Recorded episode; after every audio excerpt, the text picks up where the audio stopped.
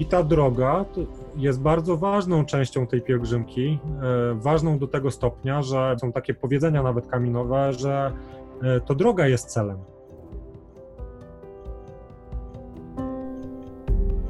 Rozmowy z misją. Czyli podcast Misji Travel. Dzień dobry. Przy mikrofonie Piotr Krzyżka jest 29 kwietnia 2020 roku. Bardzo się cieszę, że już po raz trzeci możemy się spotkać w tej przestrzeni internetowej. A naszym dzisiejszym gościem jest Kuba Pigura, miłośnik szlaku Camino de Santiago i administrator największej społeczności, która zrzesza miłośników tego szlaku w Polsce. Bardzo Cię serdecznie witam. Cześć Piotrek. Jak się masz? Jak zdrowie? E, zdrowie bardzo dobrze, dziękuję. A wiesz, jak się mam, będę miał się znacznie lepiej, jak będziemy mogli normalnie wychodzić i wyjeżdżać na Camino szczególnie. No właśnie, chciałem się zapytać, jak człowiek, który jest przyzwyczajony do chodzenia i który pół życia swojego schodził, e, ma się w kwarantannie, w zamknięciu w domu. Masz ogródek? E, tak, mam ogródek, a poza tym mam las za płotem. My tak naprawdę mieszkamy na Camino, bo tuż za, za, za moimi plecami, dosłownie kilka metrów przez las, biegnie szlak świętego Jakuba, który wyznakowaliśmy kilkanaście lat temu. Także o ile mamy możliwość wstępu do lasu, to mam się całkiem dobrze i, i na Camino można powiedzieć jestem codziennie. Co prawda nie jest to takie Camino E, które nam się śni po nocach, na którym chcielibyśmy być i na którym normalnie byśmy byli o tej porze roku, no ale zawsze to jest jakieś kamino. Poza tym nie wiem, czy gdzieś tam udało Ci się przeczytać, e, prowadzimy, organizujemy teraz takie wirtualne kamino, czyli ludzie w całej Polsce mogą sobie w swojej okolicy po prostu pójść, skorzystać z jakiegoś tam Endomondo czy jakiejś innej aplikacji i otrzymać za takie Camino też certyfikat, także to jest fajna rzecz, tobie też polecam, nie wiem czy w Poznaniu jest możliwość takiego chodzenia. E, tak, chyba, chyba jest i w ogóle to jest ciekawe, bo ja przez e, dużą część swojego życia, chyba największą dotychczas, mieszkałem też w miejscu, że jak wychodziłem na ulicę, to na słupie takim od lampy ulicznej był znak e, szlaku świętego mhm. Jakuba. I pamiętam, że dopiero jak się zacząłem tym interesować, oczywiście nie zauważyłem tego oznakowania, dopóki nie zacząłem czytać trochę więcej o, o Camino. E, no i to jest, to jest fenomen. Generalnie słowo pielgrzymka to jest bardzo takie pojemne słowo. Ono ma dużo różnych znaczeń, natomiast mimo wszystko też w naszym polskim kontekście wydaje mi się, że te pielgrzymki do Częstochowy y, bardzo mocno jednak spowodowały, że pielgrzymka kojarzy nam się z chodzeniem. E, skąd powiedz wziął się taki fenomen, e, dlaczego akurat właśnie Camino de Santiago? E, jak to się stało, że do tej jednej miejscowości w Hiszpanii, w Galicji, nagle hmm. stało się tak, że jest tyle tych szlaków i właściwie cała Europa jest poprzecinana szlakami. Właśnie ty mówisz, że zaraz obok twojego domu jest jeden ze szlaków, obok mojego domu też. Skąd to się wszystko wzięło? Jaka jest historia powstania tego szlaku? E, no wiesz, generalnie historia pielgrzymowania nie tylko, e, nie tylko u chrześcijan, ale w wielu innych religiach jakby istnieje od, od zawsze, można powiedzieć. Tyle, że u nas w naszej religii tak naprawdę mm, Ziemia Święta Jerozolima były, były tym miejscem pierwszych pielgrzymek, jeszcze w starożytności. I tak naprawdę te miejsca święta, do których teraz pielgrzymujemy, sanktuaria maryjne, wiesz, no mamy takie szczęście, że mieszkamy w Europie i tych miejsc, do których możemy pielgrzymować jest naprawdę dużo. Wiesz, Fatima, Lourdes, Medjugorje, te z tych najpopularniejszych, ale też Lepui, Rzym oczywiście. No i Santiago de Compostela. Santiago de Compostela tak naprawdę w momencie, gdy, gdy Palestyna dostała się pod panowa panowanie muzułmańskie w VII wieku, ten, ten ruch pielgrzymów przeskoczył automatycznie Ziemi Świętej na Rzym i Santiago de Compostela. Już później w średniowieczu Santiago de Compostela, czyli miejsce, gdzie jest schowany do grobu święty Jakub, jeden, Jakub większy czy starszy, jeden z apostołów Chrystusa, no, to, to było jedno z najważniejszych miejsc w ogóle pielgrzymowania na świecie. E, I tak naprawdę, e, mimo że dużo tych różnych e, miejsc pielgrzymkowych powstało, że ludzie pielgrzymują do, do wielu innych miejsc, nie tylko w Europie, ale też po, poza Europą. Jest dużo tych miejsc coraz bardziej popularnych, do których wiem, misja też ze swoimi pielgrzymami jeździ. No, miejsca różne, egzotyczne, w Japonii, w Chinach, wiesz, w Meksyku, Guadalupe. To są w ogóle bardzo ciekawe sprawy, ale z tych takich pierwotnych miejsc pielgrzymowania to zawsze to była Ziemia Święta, Santiago de Compostela i Rzym oczywiście. Santiago de Compostela to, to jest w ogóle bardzo długa historia i myślę, że dzisiaj nie mamy czasu, żeby ją od początku opowiadać wiek po wieku, rok po roku, ale tak naprawdę e, to, co nas dzisiaj interesuje, bo zapytałeś o te liczne szlaki, które w tej chwili mamy w Europie, tysiące kilometrów. W samej Polsce mamy w tej chwili około 7 tysięcy kilometrów kamino na terenie tylko naszego kraju. E, gdzie kilkanaście lat temu tych kilometrów było kilkadziesiąt czy kilkaset. Także ten rozwój szlaków e, Camino de Santiago w Polsce, czyli szlaków, które prowadzą do grobu świętego Jakuba w Santiago de Compostela, ten rozwój w ostatnich latach po prostu no, no, nastąpił lawinowo. I skąd w ogóle teraz odnowiła się ta chęć ludzi do pielgrzymowania do Santiago de Compostela? E, tak naprawdę zarówno my Polacy, jak i różne organizacje kaminowe w Europie, e, jako taki zapalnik e, w ostatnich kilku, kilkudziesięciu latach uważamy wszyscy pierwszą pielgrzymkę naszego papieża Jana Pawła II w 1982 roku, gdzie w Santiago de Compostela 9 listopada 1982 wygłosił, wygłosił tak zwany akt europejski. To, był, to była jego, tak, jego takie kazanie, odezwa Santiago de Compostela, głównie do młodych ludzi, e, gdzie Jan Paweł II apelował, żeby Europa wróciła do swoich korzeni, prosił młodych ludzi, żeby tchnęli życie w Europę e, i też to jakby zostało odebrane jako zachętę Jana Pawła II do pielgrzymowania właśnie do Komposteli.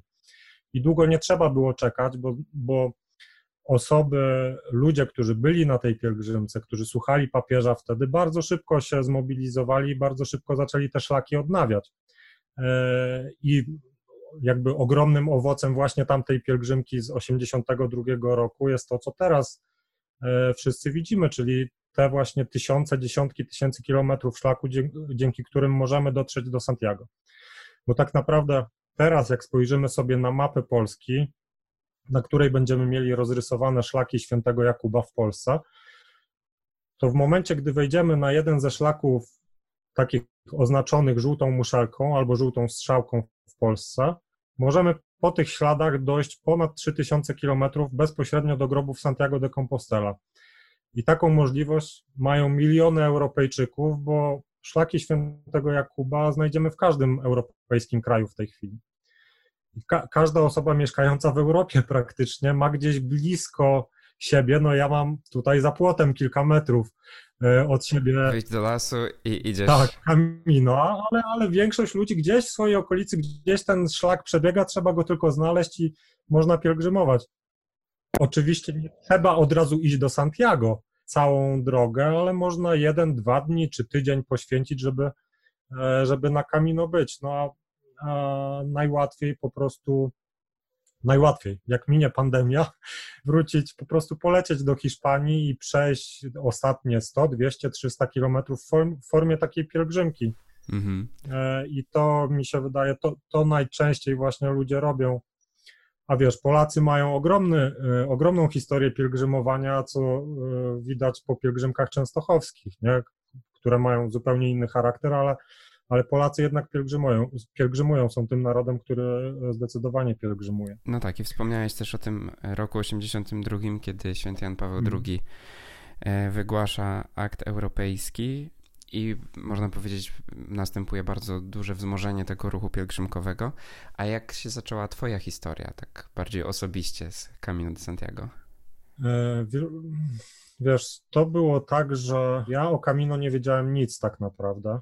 E, jeszcze kilkanaście lat temu. Zanim poszliśmy po raz pierwszy, po raz pierwszy na Camino, mówię poszliśmy, bo na pierwszym Camino byłem ze swoją żoną, ja w ogóle nie wiedziałem, że coś takiego istnieje, w ogóle nie interesowałem się pielgrzymkami z tego względu, że byłem osobą raczej niewierzącą. Ale od zawsze jakoś interesowały mnie podróże, w ogóle wędrówki. Bardzo lubiłem chodzić, e, jeździć rowerem, w ogóle pokonywać jakieś dystanse i to, to zawsze robiłem. Także w chwili, gdy moja żona podsunęła mi książkę o Camino, której w efekcie nie przeczytałem do końca, ale, ale już dowiedziałem się, co to jest, co to jest Camino w ogóle, z czym to się je, jak to zorganizować, to bardzo szybko zacząłem szukać informacji i tak naprawdę od momentu, gdy dowiedziałem się po raz pierwszy o Camino, po kilku miesiącach byliśmy już z Ewą w drodze do Santiago. Przeszliśmy przez całą północną Hiszpanię szlakiem francuskim. No a też, żeby jakby w ogóle ruszyć na ten szlak, musieliśmy oboje zrezygnować z pracy, sprzedaliśmy samochód. E, nasze mieszkanie, które wynajmowaliśmy, musieliśmy zerwać umowę. To nie było tak, że mogliśmy sobie pozwolić na miesięczną czy tam półtora miesięczną wyprawę. Także to był bardzo silny impuls. No ja w tym też widzę jakiś Boży dotyk, bo raczej nie jest możliwe, że człowiek dowiaduje się o jakiejś pielgrzymce, wędrówce i nagle w ciągu 3-4 miesięcy rzuca Sprzedaje wszystko. samochód. Tak, tak, żeby mieszkanie. tą drogę pójść. Także myślę, że to jakaś opatrzność Boża mm, w, w, w tym wszystkim była. To chyba do dzisiaj też widać, bo do tej pory to Kamino jest ważną częścią na, naszego życia, nie tylko mojego, ale też mojej żony. Czy taki był początek i od tamtego czasu ile razy udało ci się przejść ten szlak? E, wiesz co, to jest ciężko w ogóle określić, bo w tym kaminowym naszym świadku często przejście kamino określamy, e, liczy, liczymy je po uzyskaniu kompostelki. Kompostela to, jak wiesz, jest certyfikat, który jest wydawany w Santiago de Compostela po dotarciu do grobu świętego Jakuba. I żeby go otrzymać, trzeba przejść ostatnie 100 kilometrów przed katedrą albo przejechać rowerem 200 kilometrów. Dokumentując e, przejście tak, pieczątkami.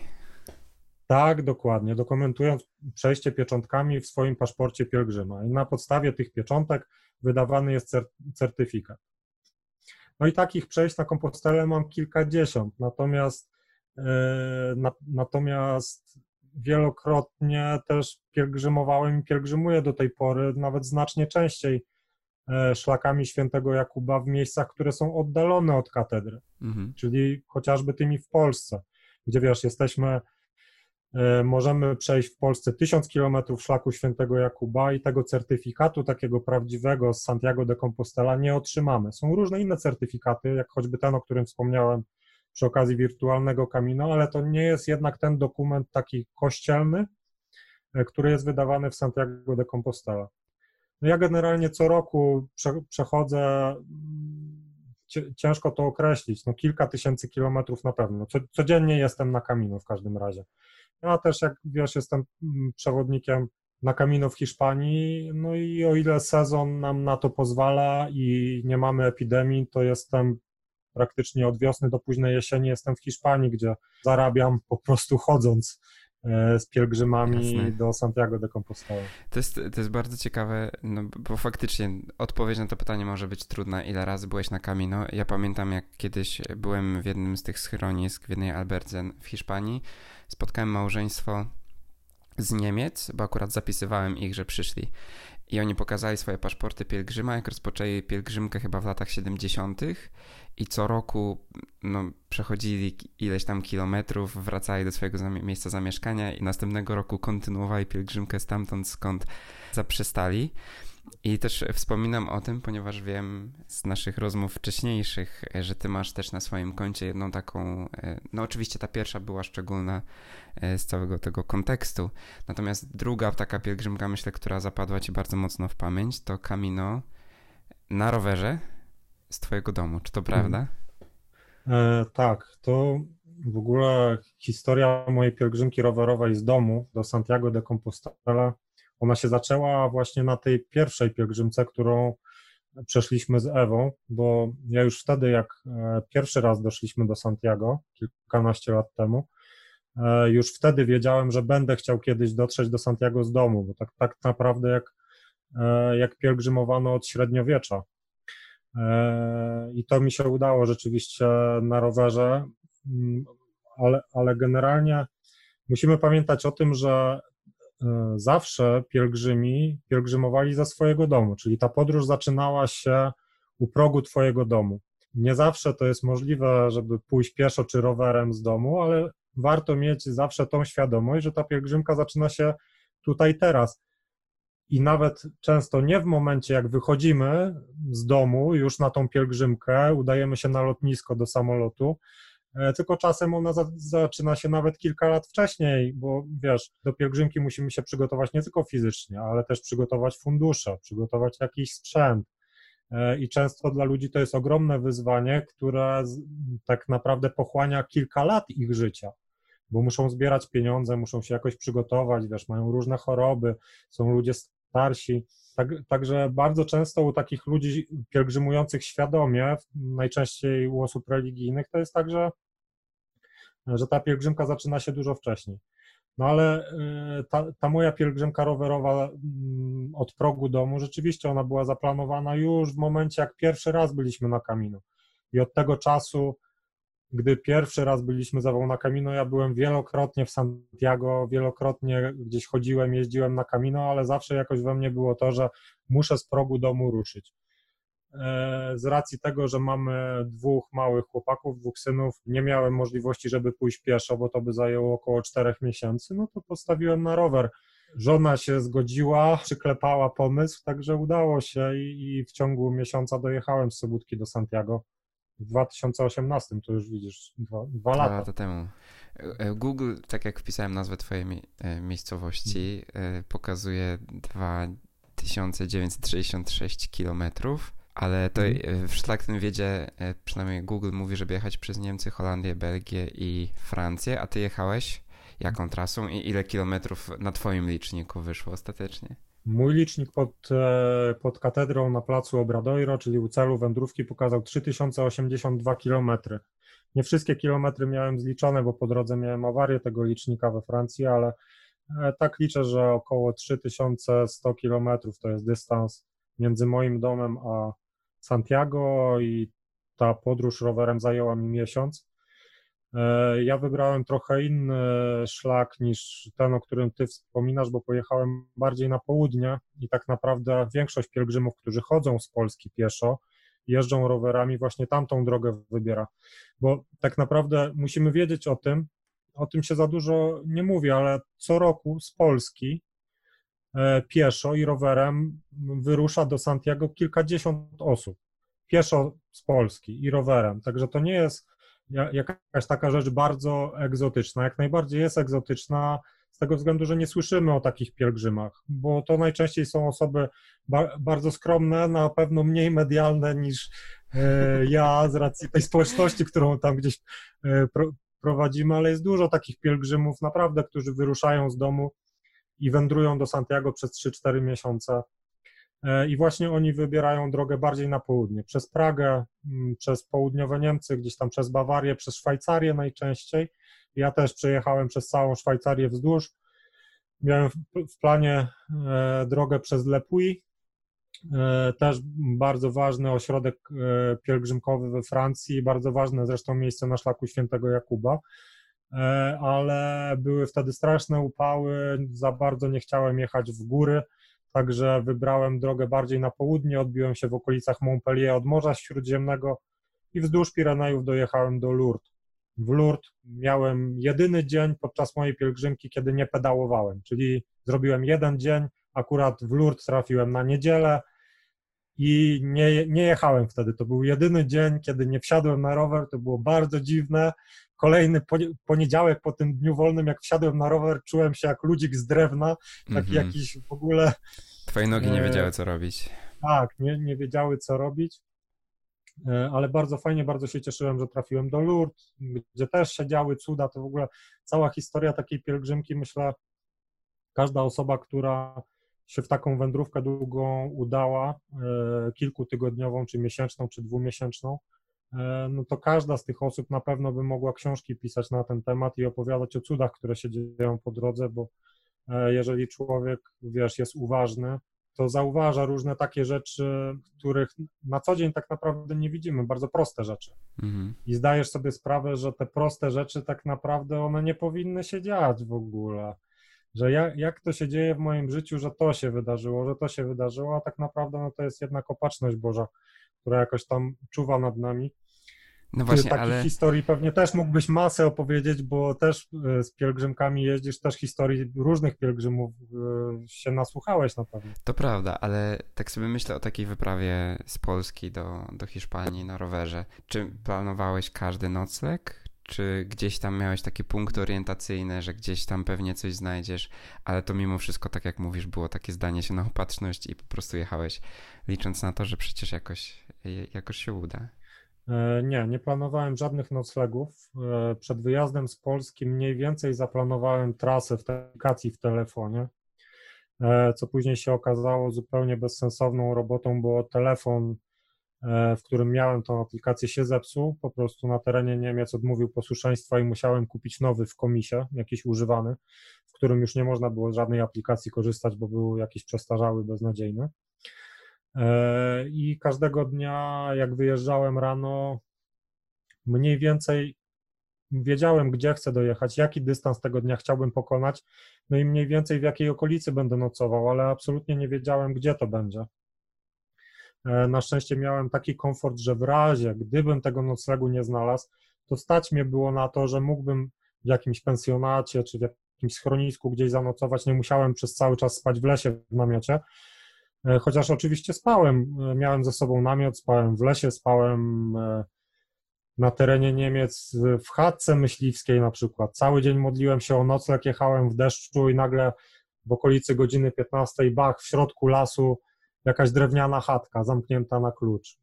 Zna, zamknięta na klucz, także bałem się, czy się nie włamuję do niej, ale też pamiętałem historię z racji tego, że E, w naszej rodzinie jest trochę, jest kilku myśliwych. Wiedziałem, że Niemcy mają takie chatki leśne, właśnie budowane dla myśliwych w środku lasu. Także wiedziałem, że z racji tego, że różni myśliwi korzystają z tej samej chatki, no to ten klucz musi być na miejscu, mhm. bo przecież niemożliwe jest, żeby każdy z tych myśliwych miał swój klucz do tego domku. Także znalazłem ten klucz i przespałem się w tym domku. Spałem u ludzi, e, gdzie u ludzi w domach po prostu. No mógłbym naprawdę takie historie opowiadać, e, cudów, które się wydarzały po drodze. Do tej pory mam znajomości z tej drogi, e, ludzi, którzy mnie gdzieś tam gościli po drodze. A gdy już dojechałem do Hiszpanii, z racji tego, że w Hiszpanii znałem szlak bardzo do, dobrze i wiem, że tam infrastruktura na szlaku świętego Jakuba jest, doskona, jest doskonała tak naprawdę. Mamy schroniska przeznaczone tylko dla pielgrzymów, no to już miałem e, Hiszpa, Hisz, samą Hiszpanię, ten ostatni etap miałem zaplanowany tak, że będę nocował w schroniskach dla pielgrzymów, także już jak dotarłem do Lourdes, poprosiłem siostry polskie, u których w Lourdes akurat nocowałem, oddałem im swój namiot, oddałem im swoją matę e, do spania, kilogramową torbę orzeszków ziemnych, które przy okazji znalazłem gdzieś w swojej torbie i, i poprosiłem, żeby to wysłały w moim imieniu do Polski, do domu i już później w Hiszpanii e, nocowałem w schroniskach dla pielgrzymów. No, to schroniska dla pielgrzymów e, w Hiszpanii wiesz, jak wyglądają, jakie to są miejsca. To też jest jakby bardzo ważny temat dla osób, które wybierają się na Camino w Hiszpanii, bo uważam, że w Hiszpanii nie powinniśmy spać w hotelach ani u ludzi, tylko powinniśmy spać właśnie w schroniskach. Tak jest, to jest nieodłączna część e, tego doświadczenia tak. pielgrzymowania. Jeżeli byś napisał książkę, to naprawdę e, ja będę pierwszy, który się ustawi w księgarni po nią. Naprawdę, naprawdę, mówię poważnie. E, no i oczywiście to jest tak, że podczas drogi e, myślę, że cała książka byłaby usłana historiami o tym, jak bardzo często okazuje się, że wszystko jest dobrze, ale zupełnie inaczej niż e, sobie to jakoś zaplanowałeś, albo nawet jak nie planowałeś, to się okazuje, że jest lepiej niż gdybyś sobie to zaplanował. E, ale też tak. przecież pielgrzymowanie e, wiąże się z jakimś cierpieniem, z jakimś poświęceniem. Powiedz, co jest najtrudniejsze w pielgrzymowaniu? Czy to na rowerze, czy to pieszo? Mówię, mówię, że kilkadziesiąt, pewnie kilkaset razy miałeś takie doświadczenie, że idziesz z pielgrzymką gdzieś. E, co jest dla ciebie mhm. najtrudniejsze w tym doświadczeniu?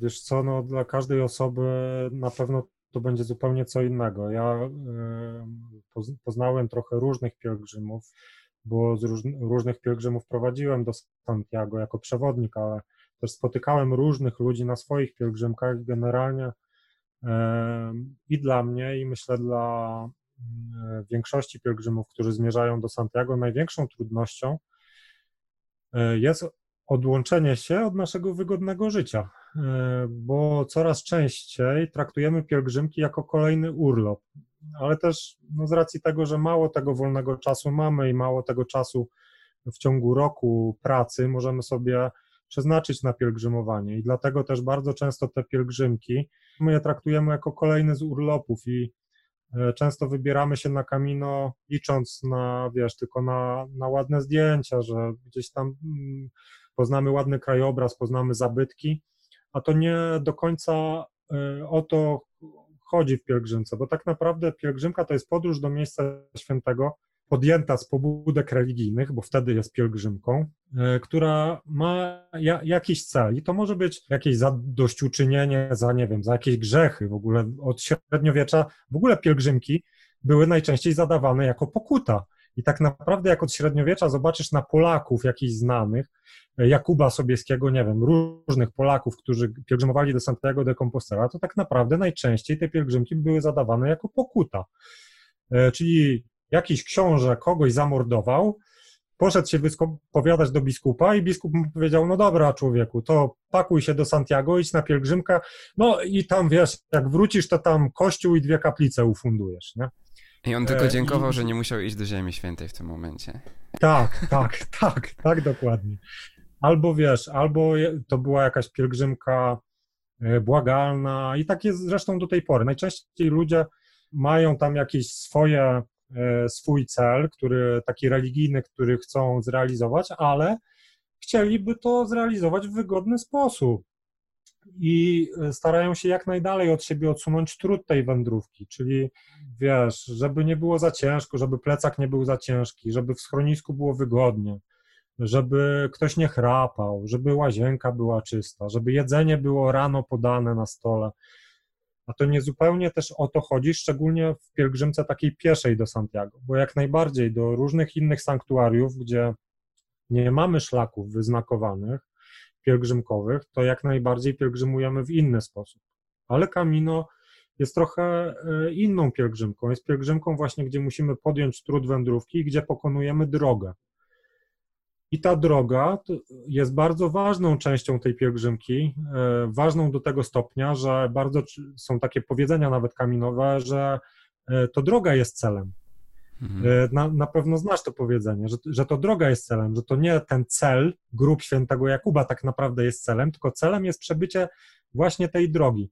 I to, jak jak tą drogę pokonamy, czy ją pokonamy dobrze, czyli nie narzekając, będąc dobrą osobą, pomagając innym ludziom na szlaku, e, dzieląc się sobą, no to wtedy po dojściu do Santiago, wtedy wiemy, że ta pielgrzymka była dobra.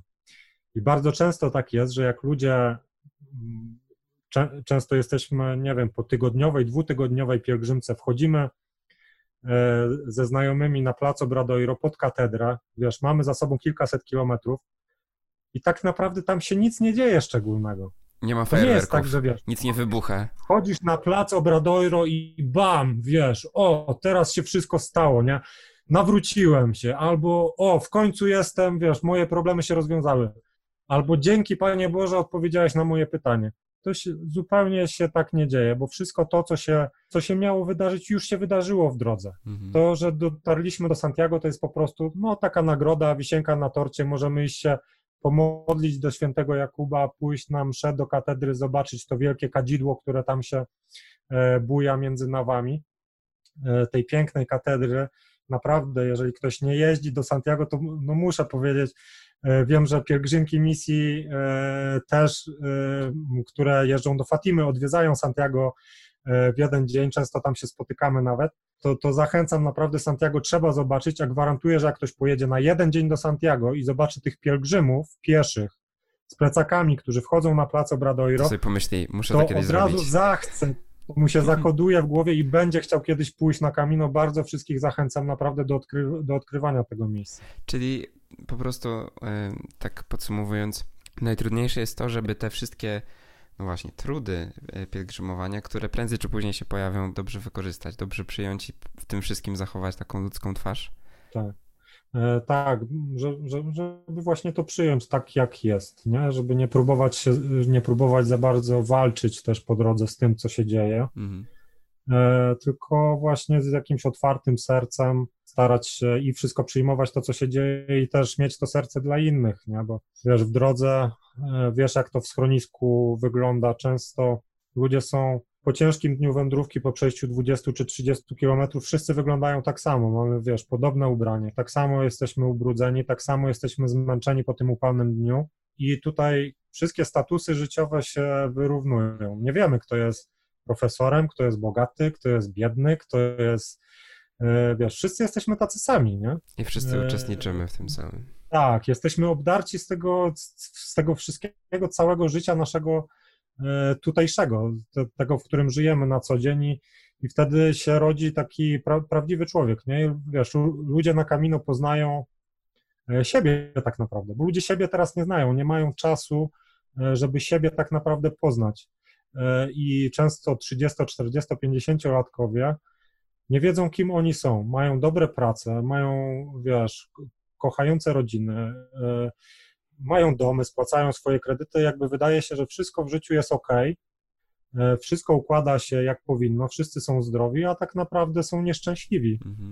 bo, bo nie wiedzą, kim są, czego oni w ogóle szukają, po co oni tu się, e, wiesz, zjawili na, na tym świecie, a na Kamino myślę łatwiej jest to odkryć. Nie mówię, że każdy na Kamino to odkryje, absolutnie nie.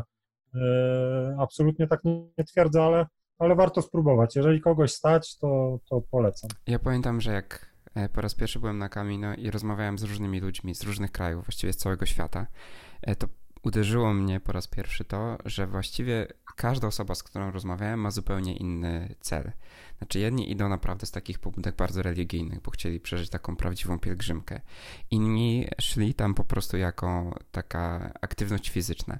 Jeszcze inni szli, bo słyszeli o tym i chcieli być częścią czegoś dużego, jakiejś takiej wielkiej historii po prostu Europy, która, e, która od zawsze przecież do, do Santiago pielgrzymuje.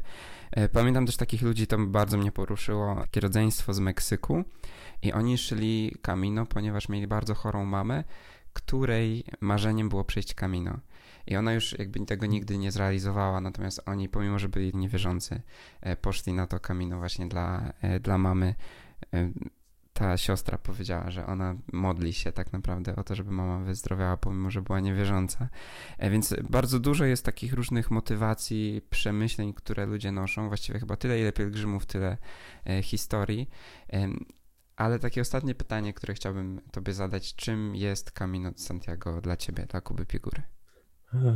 No na pewno oprócz tego, że teraz jest sposobem na życie i moją pracą, to wiesz, ja mogę z pełną odpowiedzialnością powiedzieć, że Camino w zupełności zmieniło moje życie, bo e, i przed Camino i zaraz po, jakby po Camino my zmieniliśmy w ogóle, zmieniliśmy wszystko w naszym życiu. E, po tym pierwszym Camino kilkanaście lat temu zmieniliśmy miejsca, nawet kraj zamieszkania, zmieniliśmy, zmieniliśmy pracę, zmieniliśmy w ogóle nasze podejście do życia i plany na nasze życie jako młode małżeństwo. No i do tej pory myślę, że ten plan realizuje, jakoś realizuje i dla mnie Camino E, jest czymś takim, co myślę ze mną już zostanie do końca życia, nawet jeżeli jakoś tam niekoniecznie zawodowo będę z Kamino związany do końca życia, bo tego nie jestem w stanie przewidzieć, ale e, na, pew na pewno będzie taką drogą e, i takim czasem, który mnie bardzo wewnętrznie zmieniał i zmienia do tej pory. Bo to nie jest tak, że wiesz, po przejściu pierwszego kamino coś się we mnie zmieniło i nagle bach, jestem jakimś człowiekiem. My jesteśmy ciągle w drodze, nie? Nawet jak nie jesteśmy na kamino, to tutaj będąc w domu, nawet teraz siedząc zamknięci w tych naszych domach, też jesteśmy w drodze i też się bardzo zmieniamy. Mhm. I zobacz, te, nawet teraz siedząc tutaj zamknięci, podejrzewam, że bardziej się zmieniamy, niż gdy to życie biegnie jakimś normalnym torem. E, no tak. I Kamino też i, i mnie, i, i, innych pielgrzymów, myślę, uczy tego, że, e, że właśnie cały czas jesteśmy w tej drodze że cały czas jesteś gdzieś indziej, zdążamy. No wiadomo, wierząca osoba, osoba powie, że nie jesteśmy z tego świata, no i z, zmierzamy e, do jasnego celu, ale sta, e, tak wiesz, no patrząc czysto praktycznie na to nasze życie, to tak naprawdę, e, tak naprawdę ono cały czas się zmienia i warto, żeby zmieniało się w jakimś konkretnym kierunku, żebyśmy widzieli cel tego życia. Mam takiego znajomego księdza, który był z nami na Camino w tamtym roku, księdza Pawła, bardzo serdecznie go pozdrawiam. Jakiś czas temu składał mi życzenia, już nie pamiętam przy jakiej oka okazji, telefoniczne i pamiętam, że życzył mi, e, życzył mi, żebym miał jasność takiego celu. Mówi Kuba, że, żebyś miał po prostu jasną, e, klarowną wizję e, tego miejsca, do którego zdążasz, żebyś miał jakiś cel przed sobą. Myślę, że na Camino, jeżeli ktoś tego tak, takiego celu naprawdę życiowego nie potrafi odnaleźć, to na Camino mu będzie znacznie łatwiej odpowiedzieć sobie na różne takie pytania, nie? na takie pytania głębokie. Nie w stylu, czy powinienem iść do tej pracy, czy do innej, albo czy być z tą osobą, czy z inną, albo co dalej robić w życiu, tylko tak naprawdę gdzie całe moje życie powinno prowadzić, nie? Czy powinno prowadzić tylko do spłacenia kredytu i do wzbogacenia się i tego, żebyśmy wszyscy byli zdrowi, ale może jeszcze gdzieś dalej. Mhm. Ja uważam, że jeszcze gdzieś dalej, tak naprawdę możemy sięgnąć, nie? Tego chyba myślę powinniśmy wszyscy sobie życzyć teraz w tym, w tym trudnym czasie. Nie? Dokładnie tak. Ja się podpisuję pod tym, żebyśmy zawsze wiedzieli, jaki jest ten nasz cel, albo po prostu, żebyśmy chociaż próbowali go jakoś e, zlokalizować. No i żebyśmy się spotkali jak najszybciej na jakimś szlaku. Żydzi, tak, jak najszybciej. Żydzi w Święto Paschy zawsze mówili przyszłego roku w Jerozolimie. Ja bym chciał teraz powiedzieć przyszłego roku może na Camino. Bardzo Ci dziękuję za rozmowę. E, pomimo tych wszystkich ja takich e, okoliczności, może niesprzyjających, ale warto marzyć, bo jeszcze wierzę w to głęboko będzie normalnie. Pozdrawiam Cię serdecznie, Błękamino. Trzymaj się. Dzięki bardzo. Pozdrawiam Ciebie i wszystkich słuchaczy, wszystkich pielgrzymów misji Travel. Wspaniałych, najlepszych. Trzymaj się. Hej, cześć. Rozmowy z misją, czyli podcast Misji Travel.